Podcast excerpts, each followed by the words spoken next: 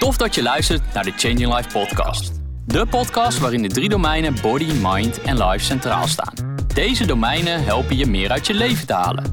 Iedere aflevering ontvang ik een gast die zijn kennis en ervaringen met je deelt. Mijn naam is Tom Barten, oprichter van Changing Life en de host van deze podcast. Ben je er klaar voor?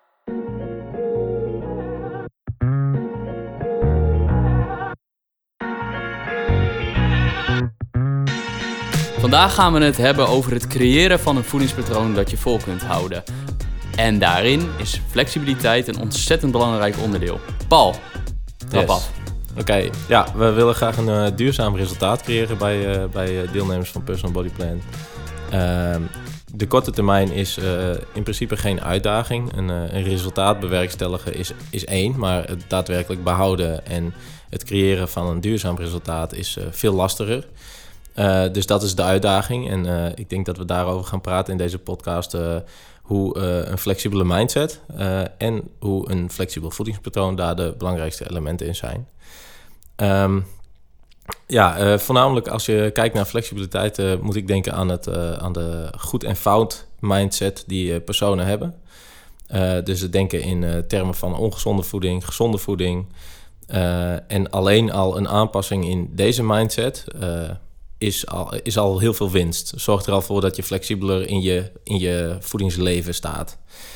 Ehm, en als je dat niet doet, eh, dan eh, eh, zie je dus in de praktijk, kom ik mensen tegen die, die dit niet toepassen, die dus denken in termen van goed en fout.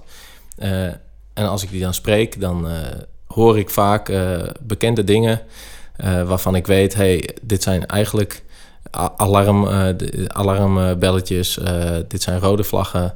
Eh, ik moet deze persoon een beetje helpen of in ieder geval in de gaten houden. Ik zal een voorbeeld noemen. Er kwam iemand laatst naar mij toe in, in, in de gym. En die zegt: Ja, ik ben al een tijd bezig met, met katten. Ik wil mijn vetpercentage verlagen. En ik, ik zag aan hem dat hij best wel een hoog vetpercentage had. En ja, wat is hoog, hoog? Maar goed, ik, ik zag aan hem dat het vetpercentage hoger was dan dat hij in gedachten had. En ik zag hem daar ook al een tijdje mee worstelen. Eh, en volgens mij gebeurde er niet echt heel veel. Dus eh, er vond geen calorierestrictie plaats, laat ik het zo zeggen. Dat was mijn aanname en ik denk dat ik dat redelijk goed kan aannemen. Ehm, dus ik vroeg me af, hoe zit dat nou precies? Want deze jongen die geeft aan, ik, ik pas heel veel restricties toe. Ik mag dit niet, ik mag dat niet. Oh, eet jij dat? Eh, oh, dat is echt fout voor je. Dat, zulke, zulke teksten had hij in dat gesprek. Dus ik denk, daar wil ik even over doorvragen. En eh, op een gegeven moment kwamen we op het punt, ja, ik kom wel eens thuis en als ik eh, dan eh, de hele dag heb ik dit en dit gegeten en bijna niks. En dan kom ik thuis en dan, ja, soms denk ik dan wel van, ja, wat boeit het man? Ik ga, ik ga hamburgers eten. En dan heel veel mayonaise erop en lekker en friet en dit erbij. En oké, en heb je dat wel vaker? Ja, dat heb ik wel vaker. Hm. Ik zie al waar het hier misgaat, waar, waar de schoen wringt. En met name dus die gedachtegang die die jongen heeft van...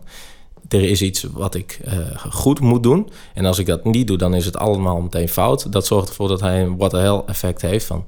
oké, eh, ik kom thuis, eh, ik heb er geen zin in mijn dieet... ik heb geen zin in al die restricties. Ja, what the hell, ik ga gewoon wat anders eten... en ik ga meteen helemaal los.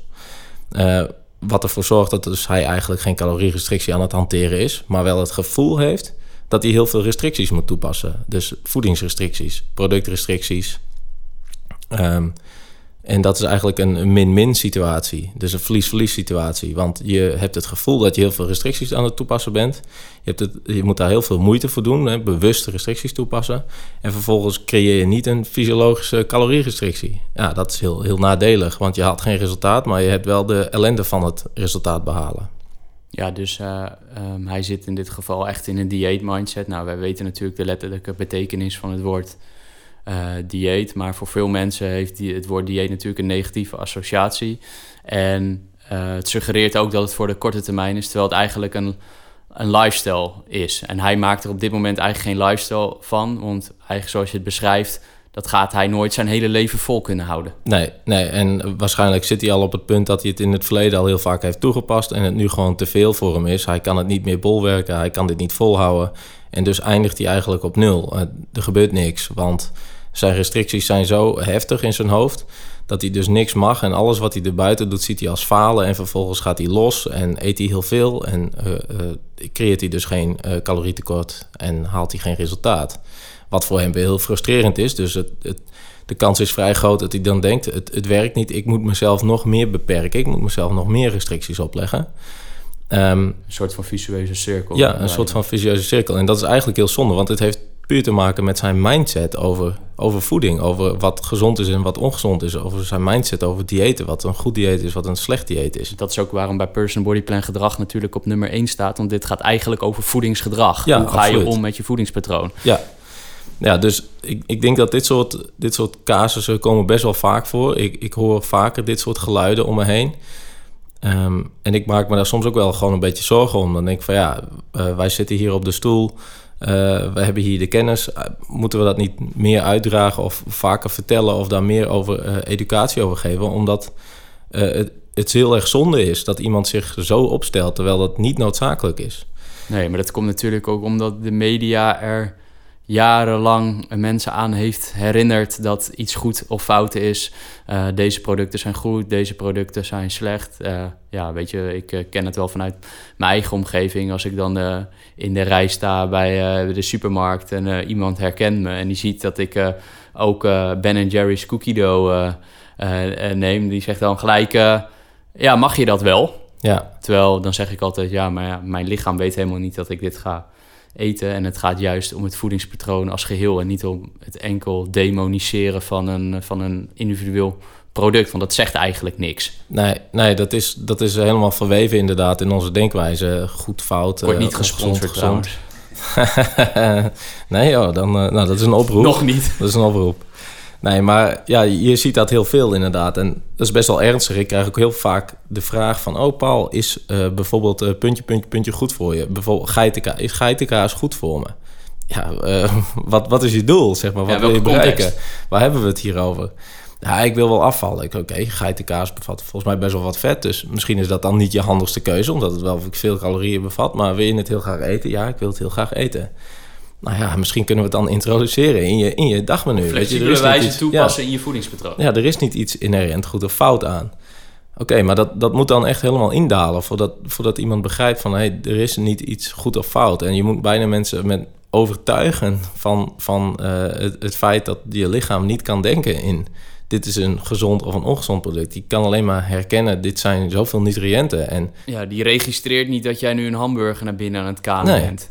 Die weet alleen, oké, ik krijg nu iets binnen. Daar zitten voedingsstoffen in, koolhydraten, eiwitten, vetten, et cetera. Ja. Dat is wat er wordt geregistreerd. Maar het labeltje hamburger wordt er niet aan gegeven door het lichaam. Nee, en het, een stroomman-argument zou dan zijn... oh, dus dan kun je maar allerlei ongezonde, ongezonde tussen haakjes dingen eten. Nee, je, je basis is, je eet heel veel producten die veel nutriënten bevatten. Dus uh, veel micronutriënten ook. Ja, veel vezels, veel uh, vitamine, veel mineralen... Eh, de benodigde eiwitten, eh, koolhydraten, vetten, et cetera. Ehm, dat is je basis. Daar richt je je op. Dus dat betekent dat je veel volwaardige producten zal moeten nuttigen om da daaraan te voldoen. Maar dat betekent ook dat die producten die dat niet bevatten, dus weinig micronutriënten bevatten, zoals je Ben Jerry's ijs, uh, dat je die wel kunt eten. En dat is, dat is een heel groot grijs gebied. En dat is dus niet zwart-wit, want het is niet goed of fout. Um, en uh, je voedingspatroon kan een uh, nutriëntrijk voedingspatroon zijn waar je op kunt richten. Maar niet een fout of een goed voedingspatroon. Um, ik zie dat dan ook wel een beetje voor me. Uh, als ik het in een, in een voorbeeld voor mezelf... ik probeer altijd een metafoor aan te halen. En ik denk dat als ik bijvoorbeeld van Alkmaar naar Den Helder rijd... dan rijd ik over een 80 kilometer weg. En uh, in de zomervakantie en in andere vakanties zijn er heel veel uh, Duitse buren van ons die uh, daar op vakantie zijn aan de kust, in de Noord-Hollandse kust. En in Duitsland is het zo dat je op die N-wegen, op die B-wegen, mag je daar 70 rijden of 100. Maar heel vaak is het 70. Dus zij rijden hier ook 70, ondanks dat er zo'n heel grote 8 en een 0 op een bord staan. Maar goed, en dat leidt bij mij altijd tot vrij veel frustratie. Dan zit ik op die weg en dan denk ik van... Ah, zit ik hier achter iemand die 70 rijdt deze hele weg. En je kunt ook niet inhalen, want het is gewoon super druk. Uh, dus je frustreert je. Zodra die persoon afslaat of van die weg afgaat... Ja, dan trap je het gas in. Dan rij je 140 weet je, over die weg waar je maar 80 mag. En zo zie ik dat ook. Zeg maar. ik word, de hele tijd word ik beperkt. En zodra die beperking eraf is, nou, dan zal ik eens even flink gas geven, weet je wel. En dat is wat veel mensen denken met hun voeding. Continu voelen ze zich beperkt. Ze frustreren zich eigenlijk heel erg. En zodra die beperking eraf is, of zodra ze afwijken, dan gaan ze los.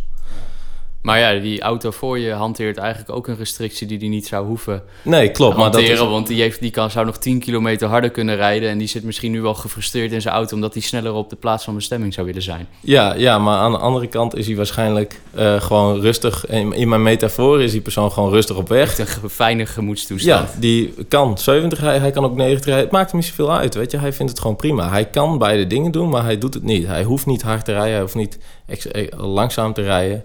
Want hij komt toch wel op zijn bestemming aan. Ja, en ik kom uh, ook van A naar B. En uh, als ik daar alleen rijd en er niemand voor me rijdt... dan rijd ik waarschijnlijk gewoon 84 op teller op cruise control. En dan vind ik het allemaal prima. Dan kan ik ook harder of zachter. Maar dat ho ik hoef dan niet zo hard. Ik hoef niet 140 te rijden. Maar ik kan gewoon daar rustig naartoe. Ik voel me flexibel in mijn snelheid. En daardoor kom ik ook van A naar B. Maar als ik beperkt word, dan gaat het alleen maar om de gedachte dat ik beperkt word. Het is niet eens zo dat de tijd van A naar B korter is, want dat hoeft niet eens zo te zijn. Uh, alleen het gevoel dat ik beperkt word, dat zorgt ervoor dat ik daarna heel hard moet gas geef. En ik denk dat mensen dat ook in hun voedings, voedingspatroon hebben. Dus door de week heel streng, mag niks, mag dit niet, mag dat niet, mag zus niet, mag zo niet. En in het weekend, boom, los. Alles, ja. alles vreten wat los en vast zit. En dan hashtag cheat day gebruiken ja, op en social dan, media. noem- ja, dat onder het mom van een cheat day nog goed praten ook. Want ja, een cheat day is belangrijk. En dan eh, komt je metabolisme weer op stoom, wat dus niet waar is. Ehm, Terwijl het eigenlijk gewoon een verstoorde relatie met voeding. ja, en als je dat maar ver genoeg door laat eh, komen... dan krijg je dus een, een heel eh, raar voedingspatroon... waarbij je het maandag tot en met donderdag heel weinig binnenkrijgt... en je heel erg beperkt voelt. En vrijdag tot en met zondag helemaal losgaat en heel veel binnenkrijgt. Dus dat is hele hoge pieken, hele eh, diepe dalen. En als je dat maar lang genoeg doortrekt... dan is de kans, denk ik, op verstoord eetgedrag echt groot. Ja, als je er geen eh, vorm van controle op hebt. Want het kan Nee, natuurlijk ook ja. een bewuste keuze Ja, zijn om ja. door de weeks... Even, ik weet dat ik als ik door de weeks eh, iets minder calorieën eh, nuttig... dan kan ik in het weekend bijvoorbeeld iets meer calorieën, nuttigen. Eh, maar dan pas ik het eigenlijk op flexibele wijze toe... en dan is het mijn manier om daarmee om te gaan, toch? Ja, ja, zeker. Als je dat op een flexibele wijze kunt toepassen, dan is het een ander verhaal. Maar wat je dus in de praktijk ziet, is dat het meer eh, een vorm van uitbarsting is eh na een vorm van heel heftig eh, restricties toepassen. En dat dus gekenmerkt wordt door het zwart-wit denken van dit, dit, was, dit is goed, dit is fout. En nu mag ik alle foute dingen doen. En je daarna ook nog schuldig voelen. En dus nog harder die restricties toepassen. Da daar, gaat het, daar gaat het mis. Ja. En daar gaat het dus in de gedachtegang mis. En daardoor gaat het ook in je resultaat mis. Ehm, Dus dat is heel rigide. Ja, absoluut. En dat, je kunt dus onderscheid maken eh, bij restricties, in rigide restricties en flexibele restricties. En waarbij flexibele restricties de voorkeur hebben, want eh, rigide restricties leidt, eh, kenmerkt zich dus met name door dat zwart-wit denken. Goede foute voedingsmiddelen, goede foute voedingspatroon. Ehm, en dat zorgt ervoor dat mensen dus, een hogere kans op ontremming hebben. Dus dat what the hell effect, dus eh, zodra de rem eraf is, bam, meteen losgaan. Dat is dat ontremmen. Een hogere kans op verstoord eetgedrag en een eh lage kans op een goed resultaat eigenlijk. Eh, dus in alle gevallen wil je je richten op die flexibele restricties. En die hebben heel veel met elkaar gemeen, want het zijn beide restricties. En restricties aan zich zijn dus niet een probleem. Maar het is de manier hoe je de restricties toepast en hoe je daar naar kijkt, met welke mindset, dat, dat is het probleem.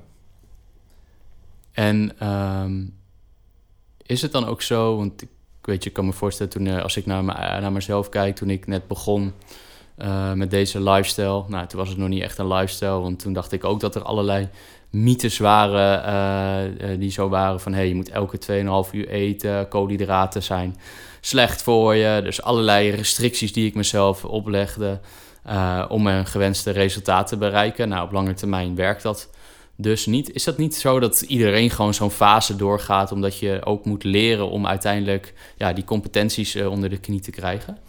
Eh, nou, het zijn wel mooie voorbeelden die je aanhaalt. Dat inderdaad dat ik moet om de 2,5 uur eten. En als je dat dan niet doet, dan voelde je je slecht. Dan voel je je schuldig.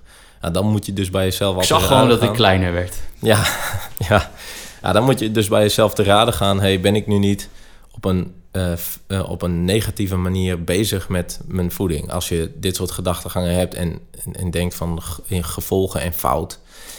Um, maar dus restricties zijn wel noodzakelijk. Als jij een, een resultaat wil behalen, dan zul je een vorm van restrictie toe moeten passen. Ja, je moet er dingen voor doen en laten. Ja, en dat noemen ze dan in onderzoek vaak dietary restraint. Dus je hebt een restraint, moet je toepassen. Uh, en hoe je die toepast, dat maakt het verschil. Dus uh, je, sowieso heb je een restrictie in, in je calorieën, namelijk het calorietekort, uh, om fysiologisch een resultaat te bewerkstelligen. En je zult um, restricties toepassen op het gebied van voeding. Je kunt niet uh, onbeperkt Ben Jerry's eten. Dat, dan gaat het mis. Dan ga je dus geen calorierestrictie toepassen, maar je krijgt ook niet genoeg voedingsstoffen binnen, et cetera. Dus dat, dat, dat werkt niet. Dat is niet een goed idee. Um, wat je wel kunt doen, is restricties toepassen met een bandbreedte. wat, wat vooral kenmerkend is voor de mensen die dus flexibele restricties toepassen, is dat ze dingen mogen, eigenlijk alles mogen, maar de portiegrootte bijvoorbeeld verkleinen. En ik denk dat dat voor mezelf ook heel herkenbaar is. Ik mag eigenlijk alles, maar ik kan mijn porties verkleinen. Dus ja, je mag alles, maar je wil niet alles. Nee, je, je neemt niet alles. Je kiest ook bewust om dingen niet, niet te nemen. Maar je, ma je mag het wel, dus het voelt niet als een restrictie. En dat is, dat is echt een wezenlijk verschil. Uh, en als je dan iets neemt, dan kun je er ook een kleinere portie van nemen. Want er is geen what the hell, er is geen ontremming. Er, er is gewoon, oh, ik kan dit wel nemen en ik neem gewoon zoveel, want ik, dat is een slimme keuze en die maak ik op die manier. Uh, en ik weet dat ik het morgen ook wel weer kan doen als ik, als ik daar zin in heb. Uh, dus in plaats van die Ben Jerry's helemaal leeg te eten, kun je ook daar een, een deel van nemen. En dat is denk ik het, het, het kenmerkende voor die flexibele restricties. Dat mensen daar beter in zijn doordat ze op een andere manier daarnaar kunnen kijken. Ja, of uh, überhaupt al kleinere verpakkingen kopen. Ja. Uh, omdat ze er bewust van zijn. Dus het is eigenlijk gewoon meer onderdeel van hun leven, de wijze waarop ze het toepassen, inderdaad. Ja, ja, ja. Hoe ze het gewend zijn om te doen. En dat is niet dat ze dat van de een op de andere dag uh, zo doen, maar waarschijnlijk is daar een tijd overheen gegaan uh, waarop ze dat hebben ge geleerd. Ja. En ik kan me ook voorstellen dat die restricties weer heel erg individueel zijn. Want wat voor de een, als een restrictie voelt, hoeft voor de ander niet als een restrictie te voelen. Nee, absoluut. Uh, ik denk het beste voordeel is dat uh, als je voordeel, het beste voorbeeld is als jij iemand die regelmatig een biertje drinkt, laten we zeggen ieder weekend, als je dat tegen zegt, je mag nooit meer bier drinken, dan voelt dat als een heftige restrictie. Uh, als je dat zegt tegen iemand die nooit bier drinkt, omdat hij gewoon überhaupt nooit alcohol drinkt en je mag nooit meer bier drinken, dan zeg je oké, okay, ja. ja. dat is voor die persoon geen restrictie. Maar het is hetzelfde, hetzelfde voorbeeld. Dus het is heel erg individueel. Uh, en je kunt je dus afvragen of je iedere persoon op dezelfde manier zou moeten uh, helpen iemand die nog nooit in aanraking is gekomen met voeding, nog niks weet van voeding, geen voedingslabels, et cetera, kan lezen, die hoef je niet van dag één op de andere in te gaan zeggen: je moet alles tracken, alles, alle voedingslabels kennen. Dat is, dat is een super grote investering. Dat, dat, dat kan die persoon niet overzien. Dat, is, dat voelt heel beperkend. Uh, uh, dus uh, de levenskwaliteit gaat als bijna naar beneden door, door zo'n grote beperking. Terwijl iemand die al een hele tijd bezig is met voeding en wellicht al uh, een lange tijd traint, daar kun je tegen zeggen: joh, je moet deze komende periode, je wilt het resultaat behalen, je moet alles even bijhouden. Daar is dat misschien helemaal geen restrictie voor. Nee, precies. Het is eigenlijk net als op school. Je krijgt een jaar, eh, als jij een jaar vier zit, of een jaar één zit, dan krijg je niet uh, lesmateriaal van iemand uit jaar uh, vier. Dus eigenlijk, nou, misschien zouden ze dit op school zelfs wel moeten leren. Ja. Uh, uh, zodat, je hier, uh, zodat je dit kunt toepassen in de rest van je leven. Ja, absoluut. Ik denk dat dat dus als, als een van school meeluistert, we komen graag langs op. Nee, maar ja, ik, ik denk ook dat je dus heel erg moet kijken naar wat iemands niveau is. Ja. Waar komt iemand binnen? Waar komt iemand vandaan? Wat is het doel? Want ja, als, als jij gewoon een paar kilootjes wil afvallen... Ja, moet je dan heel veel dingen gaan zitten bijhouden en aanpassen? Nou, waarschijnlijk niet. Uh, als jij een fotoshoot wil doen en je wilt uh, beneden de 10% vet uh, eindigen als man. Um, als vrouw beneden de 15%, ja, dan zul je wel wat meer dingen moeten bijhouden. Dus er zijn altijd restricties noodzakelijk als je een resultaat wil halen. Die restricties die zijn individueel. Dus de ene persoon die heeft andere restricties nodig dan de andere, omdat hij een ander doelresultaat heeft. Um, En het niveau waar iemand instroomt, dat verschilt dus, zorgt er ook voor dat die restricties weer anders zijn. Ja, precies. En eh, dat is belangrijk om te beseffen. Dus wij, ja, ik denk dat we vooral iedereen proberen een beetje aan te spreken in deze podcast. Dus uh, dat we ook uh, vanuit verschillende invalshoeken hierover kunnen praten. Ook in de volgende aflevering, waarin we dus meer richting de tips en adviezen gaan. Ja, hey Paul, er zit natuurlijk ook nog wel een beetje context bij flexibiliteit. Want uh, if it fits your macros is natuurlijk een term die ook ja, op een negatieve manier wordt gebruikt. Dat mensen zeggen, ja, als zolang het maar binnen mijn macro's past, dan kan ik alles eten wat ik wil, zonder eigenlijk daarbij nog te letten op bijvoorbeeld voedingsstoffen waar we in eerste instantie over hadden. Dat is natuurlijk niet waarop If It Fits Your Macro's ooit bedacht is. Het is juist bedacht om die flexibiliteit toe te passen. Hoe kijk je daar dan tegenaan? Ja, dat is inderdaad ooit geïntroduceerd, volgens mij door Alan Aragon en, en, en een collega van hem. Uh, die op fora zeiden tegen mensen: Yo, mag ik dit eten? Die kregen eigenlijk ook de vraag: van, hey, Mag ik geitenkaas? Ja, if it fits your macros. Dat was dan hun antwoord. Op een gegeven moment maakten ze er een acroniem van en antwoorden ze dat gewoon. om het zo makkelijk mogelijk te maken. En dat kon ze eigenlijk overal op antwoorden. Ja, mag ik dit? Ja, if it fits your macros. en dat is doorgeslagen. Er zijn dus mensen die uh, inderdaad roepen van... oh, ik kan alles eten wat los en vast zit. Het boeit niet zolang het maar in mijn macro's past. Geen rekening houden met micronutriënten. Geen rekening houden met vezels. Geen rekening houden met hongermanagement. En we hebben het nu niet over hongermanagement in deze podcast... maar reken maar dat dat een belangrijke variabele is... om, om je resultaat te behalen als een calorierestrictie je doel is. Uh, dus uh, in de praktijk, als jij alleen maar McDonald's zit te kauwen... krijg je niet genoeg micronutriënten binnen, ben je zeker niet verzadigd genoeg om je resultaat te behalen. Dus dat, dat gaat niet werken. Dus het heeft zijn beperkingen. Het voordeel van die if it fits your macros gedachte en het voordeel van tracken, wat er eigenlijk een beetje samen hoort. Het tracken van, dus het bijhouden van je voedingsinname door het te wegen en door het in te vullen in een ja, tracker. Macronutriënten is een verzamelnaam voor koolhydraten, eiwitten en vetten voor de mensen die dat niet weten. Ja, ja. Uh, en dus je houdt je macronutriënten bij, je houdt je calorieinname bij, je weegt je voeding af. Uh, het voordeel wat dat biedt, uh, is dat je flexibiliteit hebt in je voedingsmiddelenkeuzes. Anders dan dat je een dagmenu aangereikt krijgt en heel beperkt bent in je voedingsmiddelenkeuzes, kun je nu veel vrijheid toepassen. Want je kunt zelf berekenen wat wel en niet past. Maar nog steeds is de basis veel nutriëntrijke voedingsmiddelen. Uh, ja, en het gaat nog steeds ook daarin weer om hoe pas je dit toe. Want je kan daar ook weer in doorslaan dat je overal waar je naartoe gaat je weegschaaltje meeneemt. En dat je als je uit eten gaat, dat je in het restaurant uh, al, uh, je eten zit af te wegen. Ja, dat is weer het uiterste. Ja. Uh, dus volgens mij zit het antwoord inderdaad niet, is het niet zwart-wit, maar zit het antwoord altijd in het grijze gebied. En dat is denk ik het alle, alle, alle moeilijkste. Ja, ja, want inderdaad de kritiek op bijvoorbeeld de tracken, dat staat dan af en toe ook negatief in het daglicht. Er is bijvoorbeeld ook een onderzoek geweest dat een correlatie laat zien tussen je voeding tracken en, en verstoord eetgedrag. kritiek daarop is, is dat zo'n onderzoek uh, correlaties laat zien en niet oorzaak- en gevolgrelatie kan leggen. En het naar mijn idee ook heel logisch is dat als je een groepje mensen pakt die allemaal hun voeding tracken, dat de kans groter is dat die mensen wat verstoord eetgedrag hebben, want die neigen meer naar voeding tracken. Dus het is omgekeerd. Het is niet uh, het oorzaak-gevolg is omgedraaid. Dus ik denk niet dat je daar heel erg uh, harde conclusies aan moet verbinden. maar er zijn genoeg mensen die op een hele rigide manier omgaan met voeding tracken.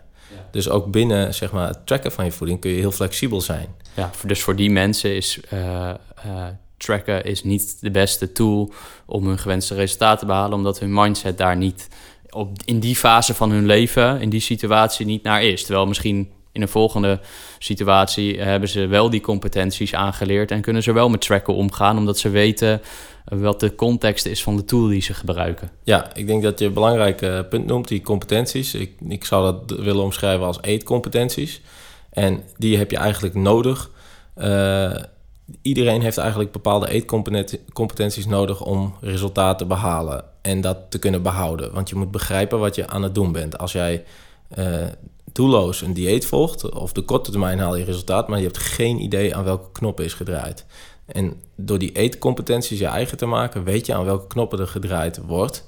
Of aan welke knoppen jij zelf draait, samen met je coach. En kun je dus ook die knoppen terugdraaien en weer opnieuw aandraaien. Je weet precies waar je op moet drukken. en waar je aan moet draaien. Ehm, als je die eetcompetenties zelf eigen hebt gemaakt, dan is, uh, en daar is tracken een onderdeel van. Want uh, om maar een voorbeeld te noemen, de uh, vaardigheid om voedingsmiddelen te kunnen lezen, dus de, de, etiketten te kunnen lezen, ja, dat moet je jezelf eigen maken. Dat kun je niet in één dag doen, dat moet je meerdere dagen over doen, en misschien wel weken, maanden. Het lezen van die labels, het invoeren van je voeding moet je ook leren begrijpen, omdat je portiegroottes wil kunnen inschatten, omdat je die waardes wil kunnen inschatten. Dus je moet daar doorheen. Dat is een soort verplicht onderdeeltje. Um, maar dat betekent niet dat je dat voor altijd moet doen. Maar als je je dat eigen hebt gemaakt, dan kun je er heel flexibel mee omgaan. Dus ik denk dat mensen die niet flexibel om kunnen gaan met de tool, niet het middel tracken, want die zien dat bijna als een, zeg maar een doel. Het tracken aan zich is een doel, maar dat is natuurlijk niet het doel. Het is een middel die daar niet goed mee om kunnen gaan. Die missen vaak die eetcompetenties. Ja, die hebben die fase eigenlijk uh, in zich heel overgeslagen. Dus als de fundering, de basis niet staat, uh, ja, dan heeft het weinig zin om daar bovenop te gaan bouwen. Ja, dus die, die zien dat echt als, die zien dat tracken als doel. En dat is het probleem. Dus die gaan heel, alles heel nauwkeurig doen, van tevoren invullen, sla afwegen, uh, restaurant met, de, met een weegschaal. Maar dat, dat, slaat het, dat slaat nergens op. Dat gaat het hele doel voorbij. Dat biedt geen flexibiliteit. Dat biedt je heel rigide restricties. En dat is juist weer heel gevaarlijk. Dus als je daar dan van afwijkt, oh, ik moet vandaag uh, eh, 251 gram koolhydraten eten. Ik heb er 249 gegeten. Fout. Fout. Oh, wat slecht. Dat is dan de gedachtegang. Terwijl dat A nergens op slaat, omdat je... De richtlijn is? Omdat het een richtlijn is. Dus het is dan meer zeg maar rondom de 250 gram koolhydraten. En dan mag je best wat van afwijken. Daarnaast kun je het helemaal niet exact inschatten. Omdat je tracker fouten bevat. Omdat voedingslabels fouten bevatten. Omdat je geen idee hebt hoeveel energie je daadwerkelijk metaboliseert in je lijf. Omdat het ook weer afhankelijk is van bepaalde factoren. Dus je weet niet exact hoeveel energie je binnenkrijgt. Het is dus een schatting. Ja, het is bij benadering. Ja, dat is bij benadering. En dat snap je als je die eetcompetenties je eigen hebt gemaakt. Als je dus die eetcompetenties niet eigen hebt gemaakt en gewoon gaat tracken en dat als ziet als doel, dan kun je er heel rigide mee omgaan. En dat is niet het idee. Als je er flexibel mee omgaat, dan snap je dat soort dingen. En dan ga je niet je sla afwegen. Dan, ga je, dan schat je dat, dan schat je heel veel dingen. Dan track je op een gegeven moment niet meer iedere dag. Dan kun je gewoon uit eten gaan. Uh, misschien uh, track je alleen nog maar je calorieinname of alleen nog maar je eiwitinname. Afhankelijk van de fase waarin je zit, afhankelijk van de ervaring die je hebt, afhankelijk van het doel dat je hebt, daar pas je het op aan. Het geeft je eigenlijk houvast. Ja, en uh, omdat we dus hebben gezegd aan het begin, je hebt de restricties nodig. Dus er, als je een resultaat wil halen en je wilt bijvoorbeeld afvallen, dan heb je een calorierestrictie nodig. En dat ga je niet op je gevoel, ga je dat niet bereiken. Uh, tenminste niet op lange termijn. En dus zul je iets bij moeten houden. En dat kan zijn dat je dus iets in je voeding bijhoudt en bijvoorbeeld je gewicht. En uh, wat je dan bijhoudt in je voeding, dat is naar voorkeur. Als jij van jezelf weet, ik eet altijd heel weinig eiwitten, uh, dan is het wellicht handig om dat te gaan bijhouden. Als jij van jezelf weet, ik hou eigenlijk alles wel goed bij, ik doe gewoon af en toe een steekproefje, kijken of ik goed zit, dat kan ook. Dus je kunt ook flexibel omgaan met zo'n tool. Ja. ja, precies. Want uh, wij zijn natuurlijk al enkele jaren hiermee bezig. Door de jaren heen hebben wij al een aantal competenties natuurlijk aangeleerd. En uh, hoeven wij niet meer structureel bijvoorbeeld calorieën te tracken. Maar eens in de zoveel tijd doen wij dat ook. Om juist weer even die bewustwording te creëren. die houvast. Om op basis daarvan weer verder te gaan, toch? Ja, ja ik, ik neem graag mezelf als voorbeeld. Op dit moment eet ik al op onderhoud. En uh, dat betekent dat ik mijn inname match met mijn gebruik. En dat kan ik heel erg goed op gevoel doen. En dat, ik, dat betekent dat ik niks bijhoud, soms een dagje. Maar meestal is het echt weken dat ik niks bijhoud. behalve mijn gewicht. Mijn gewicht hou ik wel bij, want ja, dat, daar haal ik heel veel informatie vandaan. En dus kan ik ook zien of ik daadwerkelijk onderhoud, op onderhoudsniveau eet. Um, maar dat kan ik doen omdat ik al die competenties in de jaren heb opgebouwd. Omdat ik weet wat ik aan het doen ben. Ik hoef mijn eiwitten niet bij te houden omdat ik weet welke producten veel eiwitten bevatten. Omdat ik altijd goed zit met mijn eiwitinname. Je hoeft er eh, eigenlijk ook niet echt meer over na te denken. Nee. Het gaat vanzelf. Dat gaat vanzelf. En dat komt daarnaast omdat ik heel veel gewoontes heb geïntroduceerd. En uh, uh, gewoontes zijn naast dus deze flexibiliteit waar we het nu de hele tijd over hebben, zijn gewoontes ook een heel belangrijk aspect van het behalen van een duurzaam resultaat. En daar kunnen we het in een andere podcast over hebben. Maar het introduceren van bepaalde gewoontes helpen daar heel erg bij. En uh, dat betekent ook dat ik regelmatig bijvoorbeeld hetzelfde eet. Um, en ik denk dat dat al een, een goede strategie is. Uh, je hebt variatie in je dag, maar je kunt wel op dagen uh, op elkaar laten lijken. En dat zorgt er heel voor dat je heel weinig stress daarover ervaart. In plaats van de gedachte dat je, ja, ik mag alles eten, dus ga ik iedere dag een ander ontbijt bedenken en eten. Dat, dat zorgt alleen maar, dat klinkt leuk in het begin, maar dat zorgt alleen maar voor meer, meer stress en ruis. En, Tenzij je er heel veel plezier en energie uithaalt. Ja, maar ik denk dat die personen er weinig zijn die dat echt zo op die manier kunnen inrichten zonder daar uh, negatieve. Wie meldt zich aan om ontbijtjes te maken voor Paul? ja, dat mag altijd. Um, maar uh, ja, wat was, je, wat, was, uh, wat was je vraag? Nou, over die competenties hadden we het en over oh, ja. gewoontes. En waarom die gewoontes zo belangrijk zijn, omdat uiteindelijk het creëren van die gewenste gewoontes, dat zorgt ervoor dat je er minder over na hoeft te denken.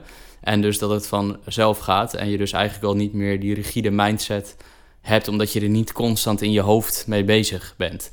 Ja, ja en um, als jij aan de start staat van een dieet, of van uh, je gaat een dieet, je bent van plan een dieet te doen, en als je aan die start daarvan staat, dan zul je heel vaak merken dat je het proces niet heel goed kan overzien en dat je jezelf overschat. Dat komt omdat je in een hoge staat van, van heel veel motivatie, waarschijnlijk ook nog inspiratie. Dus uh, jij denkt, ja, ik ga gewoon helemaal geen koolhydraten meer eten. En dat, ja, dat kan ik makkelijk volhouden. En dat gaat twee dagen, gaat het fantastisch en lukt het allemaal makkelijk. Zie je, ik kan het volhouden. Want dit ga ik maanden doen. Ik ga gewoon helemaal geen koolhydraten meer eten. Um, maar dat, dat noemen ze een hot-cold empty gap. En dat je schat gewoon niet goed in dat je op een gegeven moment niet die motivatie meer hebt. Dat die inspiratie weg kan vallen. En dan val je terug. En dan heb je geen idee wat je aan het doen bent en waarom. En uh, heb je weer te maken met die ontremming en uh, zo'n what the hell effect. En eet je weer alles wat los en vast zit. Waardoor je jezelf eigenlijk ziet als een faler. En juist nog harder op die restrictie rem gaat trappen. Um, en dat zie je volgens mij ook regelmatig terug. Dus overschatten in het begin, denken dat het allemaal kan, op, omdat je een heel hoge mate van uh, uh, motivatie, ja, uh, motivatie hebt. En, maar dat heeft geen lange termijn gedachte.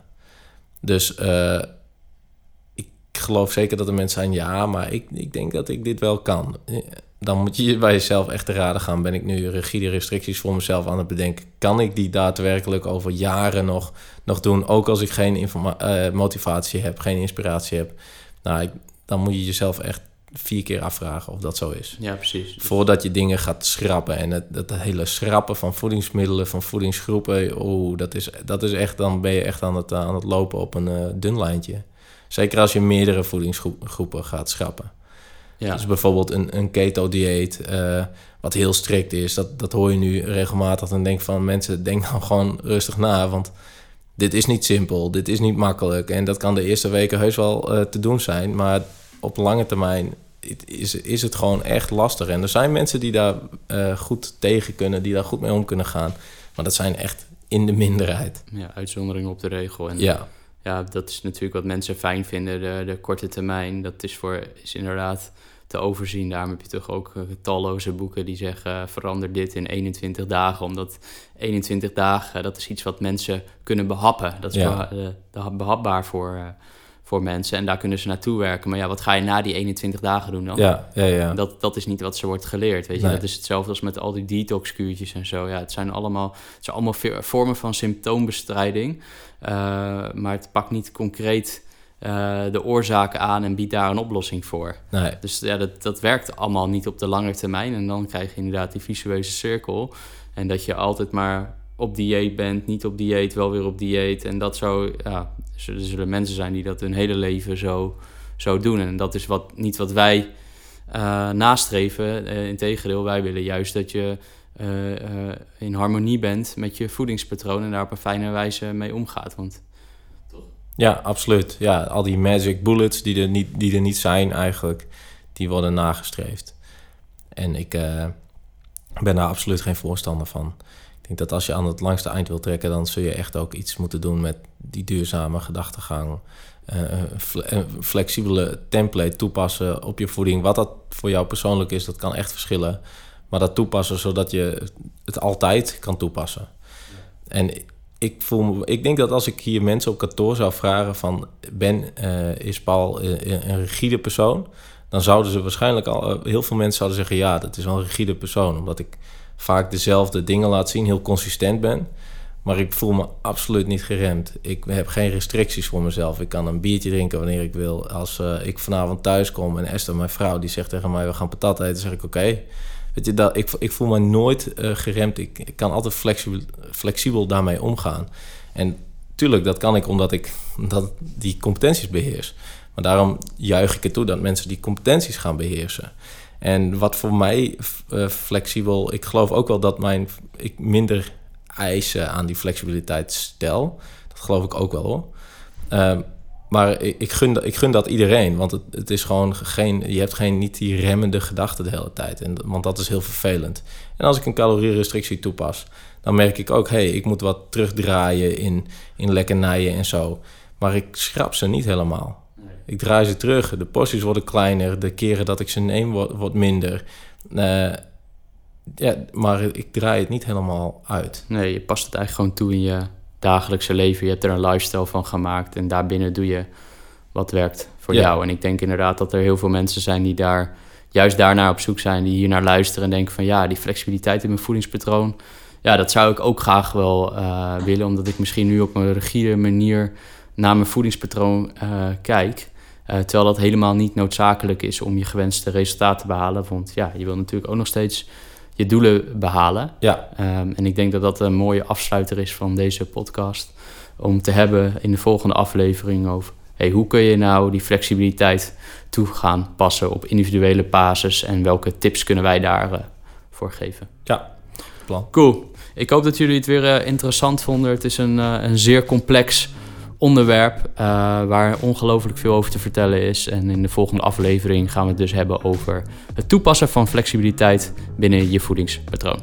Tot de volgende keer. Doei. Doei. Bedankt voor het luisteren naar de Changing Life podcast. Vond je het waardevol? Abonneer je dan op onze podcast of laat een review achter. Wil je meer kennis ontvangen van Changing Life? Ga dan naar www.changinglife.cl. Changinglife.cl. Ja, .cl, want we doen het graag net een beetje anders. Changinglife.cl.